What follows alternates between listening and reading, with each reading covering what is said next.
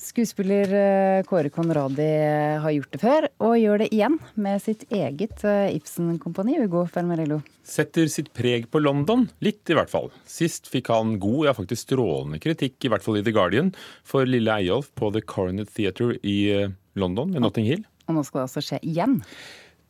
Fruen fra havet denne gangen. Henrik Ibsens stykke om vanskelige valg i en moderne drakt. I rollene finner vi norske og britiske skuespillere. Og vi fikk være med i Kulturnytt når eh, regissør eh, Marit Moum Aune ankommer London. Hei! Kommer fra flyet nå. Men det er klart at det er litt spesielt å være her i dag. Jeg er litt spent på i morgen. Vi er litt nerver, skjønner du.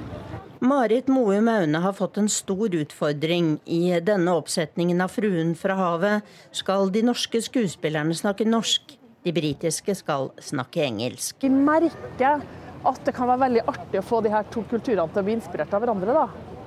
Kåre Conradi får mye mer oppmerksomhet enn Aune, og blir utsatt for snikfotografering i Londons gater. Ikke for sine Ibsen-roller, men fordi folk kjenner ham igjen som en av vikingene i Netflix-serien Norseman, eller Vikingene som den heter på norsk. Det her, det her er jo helt sjukt! Kåre. Kåre Conradi ler med, men vil helst snakke om fruen fra havet og om vår nasjonale stolthet, Henrik Ibsen. Han er den mest spilte i verden etter, etter Shakespeare. Han er alltid aktuell, han er alltid farlig i mange land hvor det er farlig nesten å spille han. Og, eh, vi har våre stykker som vi enten er lei av eller er vant til å spille, men de kan alltid gjøres på en, på en ny måte. Og nytt og moderne er det tenkt. Marit Moum Aune forteller hvordan hun ser for seg sin versjon av Fruen fra havet. Vi skal lage en forestilling som foregår i dag, og la det foregå i Nord-Norge. På samme sted som Ibsen tenkte at det foregikk, men da med en britisk legefamilie som bor der. For bestillinga fra Ibsen-kompaniet var du skal ha med norske og engelske skuespillere, det skal snakkes både norsk og engelsk. Og så måtte jeg lage en slags logikk, da. Vi er i det lille private teatret i bydelen Notting Hill i London, og skuespillerne er samlet for aller første gang. Pia Tjelta, som har den bærende rollen, trives her. Det er et helt fantastisk teaterhus.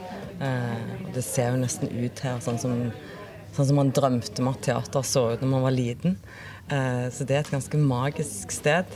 Internasjonal presse med The Guardian i spissen har vist interesse for Fruen fra havet. Pia Tjelta og de andre skuespillerne har to intense måneder til premieren i februar. Det er jo en drøm. Um, så jeg gleder meg veldig. Jeg er kjempespent. Um, og kjempenervøs. Skuespilleren Øystein Røger har fått rollen som den fremmede. Jeg synes Det er fantastisk at vi kan jobbe på tvers av både språk og grenser. Så det er, jeg er veldig glad for muligheten. Jeg synes det er flott. Adrian Rollings spiller Elidas mann doktor Wangel. Et stort sprang fra en annen rolle han er kjent for i Norge faren til Harry Potter. Yeah, it is, but uh, let's hope we can bring a bit of magic to this production. Mm. Litt uh, magi inn i forestillingen der eh, Adrian Rollins um, Det er i februar det skjer, på The Coronet i Notting Hill i London. Reporter var Tone Staude. Svenske journalister møtte forventningsfulle opp eh, til en pressekonferanse med Amazon, tidligere kjent som nettbokhandelen, nettbokhandel, nå en teknologigigant, og det er Klassekampen som skriver om dette i dag. Hvorfor ble de skuffet, kulturreporter Øystein Tronsli Drabløs? Det var fordi de trodde at pressekonferansen i går skulle lansere at Amazon nå kommer til Norden. Eh, Amazon er jo da, som du sier, et tidligere nettbok selskap, men som nå selger dagligvarer, teknologi og har strømmetjenester og aviser og nettsteder i det hele tatt. Um, og man forventet dette fordi selskapet har kjøpt opp tomter for 60 millioner kroner i løpet av de siste par årene. Så man forventet at skulle være varelagre for Amazons rikholdige eh, vare, vareutvalg. Men så viste det seg at det det var snakk om var et nettskyselskap, og at disse store bygningene var datasentre til serverutleie. Hva ville det betydd hvis det var noe annet, nemlig? Ja, kanskje et varelager? Ja, altså Amazon er jo såpass store at de ville jo revolusjonert eh, markedet uansett hvor de går i, og særlig, særlig i Sverige og i det nordiske markedet. Problemet der er jo selvfølgelig store avstander og like lite folk. Så her har du jo et problem med eh, hvordan du skal kjøre ut varer, også postruter og denne slags. De har jo en intensjonsavtale med Post Nord, eh, Amazon, i Sverige.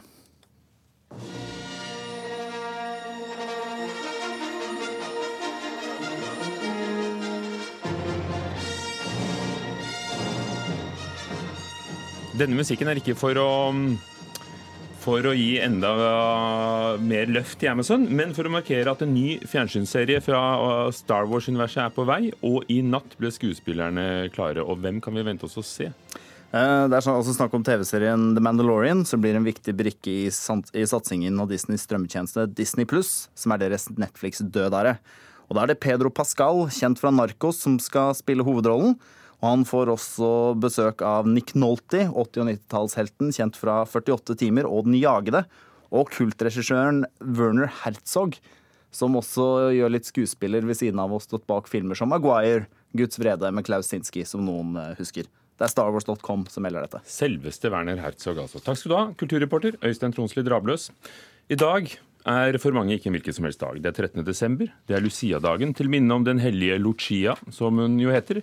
På Sicilia. Hun led eh, martyrdøden da de kristne ble forfulgt i Romerriket på 300-tallet. Og I Norden er denne feiringen, som vi også har vært innom tidligere i Nyhetsmorgen, blandet sammen med gamle norrøne tradisjoner, og, og dagen feires med lysprosesjoner i barnehager, skoler og kirker.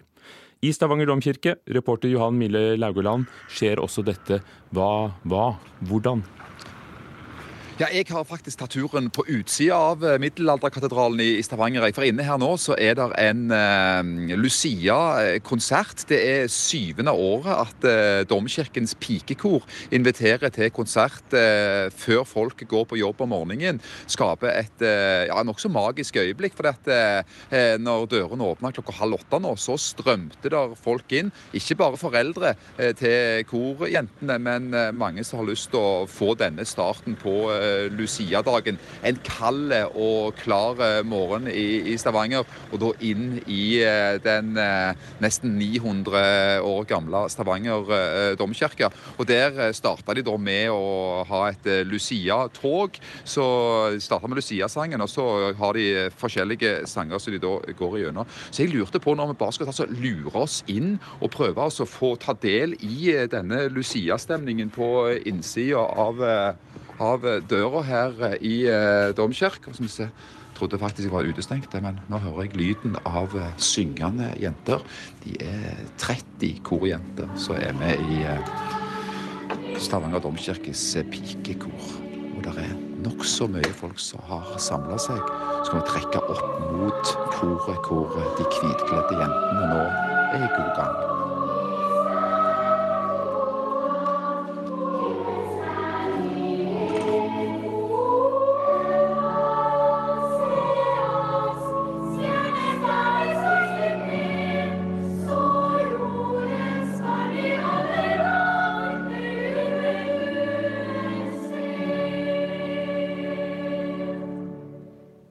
Dette er jo blitt litt av en tradisjon, eh, Johan Mille Laugoland. Eh, kommer folk?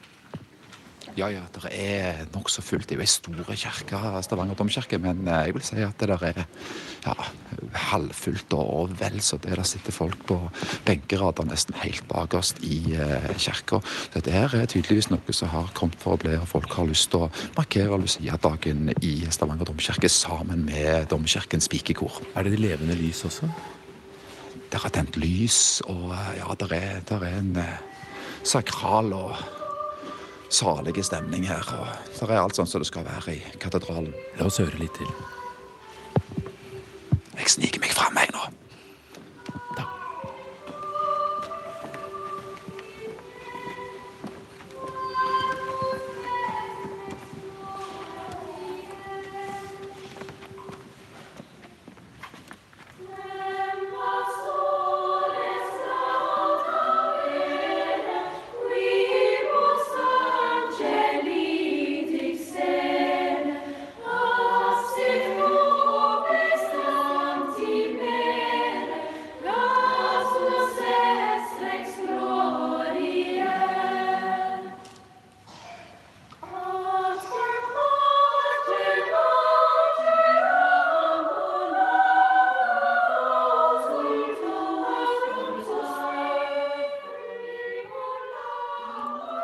direkte Lucia-morgen i Stavanger domkirke med pikekoret.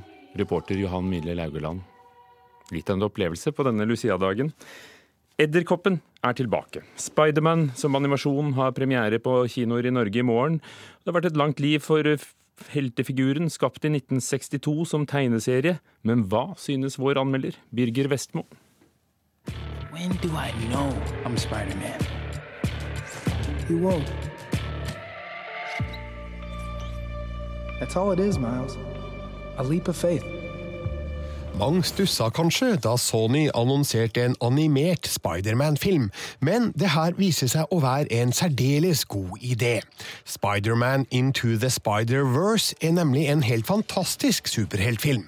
Den kan skilte med spektakulære visuelle kvaliteter og en frisk og vital historiefortelling som åpner for store muligheter i dette universet. I tillegg har filmen et enormt stort hjerte, med en aldeles skjønn hovedfigur, som ikke er Peter Parker. Spiderman Into the Spider-Verse er en imponerende bedrift, som viser at Marvel-universet fremdeles har evnen til å pirre nysgjerrigheten og underholde på overraskende vis. So you want to learn to be Spider-Man? Can you teach me? Yes, I can. Time to swing. Hovedpersonen er 14 år gamle Miles Morales, som blir bitt av en radioaktiv edderkopp og utvikler lignende evner som New Yorks kjente superhelt Spiderman, altså Peter Parker. Dermed blir han innblanda i kampen mot skurken Kingpin, som vil opprette en portal til andre dimensjoner ved hjelp av en enorm innretning under Brooklyn. Miles må sammen med Spiderman forsøke å forhindre at Kingpin lykkes, samtidig som han må finne ut av seg sjøl og sine nye krefter. Teenagers just the worst. Miles, where did you go? I'm right here. Where? I can't see you. I'm right in front of you. Can Spider-Man turn invisible? Not in my universe. You just poked me in my eye. This is incredible. Some kind of fight or flight thing. What's that? En av fordelene med å lage animasjonsfilmer er at man kan tegne hva som helst med fantasien som eneste begrensning. Regissørene Bob Pescietti, Peter Ramsey og Rodney Rothman og deres hærskare av animatører har virkelig gjort en praktfull jobb med å visualisere Spidermans New York med en distinkt stil og strek som trekker klare paralleller til Stan Lee og Steve Ditkos tegneserieunivers. Hey! All right, time to swing, just like I taught you. When did you teach me that? I didn't. It's a little joke. Team building. En annen kvalitet med Spiderman Into the Spider-Verse er manuset skrevet av Phil Lord. Det forteller både en spennende og handlingsmetta superhelthistorie, samtidig som det er fylt av engasjerende figurer med Miles Morales som høydepunktet. Jeg skal innrømme at forventningene til Spiderman Into the Spider-Verse var forholdsvis likegyldige. Desto mer gledelig er det å konstatere at det her er en ekstremt velgjort film, som leker glimrende med ulike deler av Spiderman-universet på en smart, lekker og underholdende måte. Come on. How many more spider people are there? Save it for Comic Con. What's Comic Let's go! Birger Vestmo hadde sett uh, Spiderman Into the Universe, og den um, fins både med norsk og engelsk tale på norske kinoer. Og så minner jeg om at alle ukens premierer kan du lese om på filmpolitiet.no, NRKs uh, side for film. Vi skal straks få siste nytt om Tyrkia, for det er jo fire mennesker som er døde i en alvorlig togulykke denne morgenen. Og så er det rentemøte i dag. Det har jo betydning for alle med lån.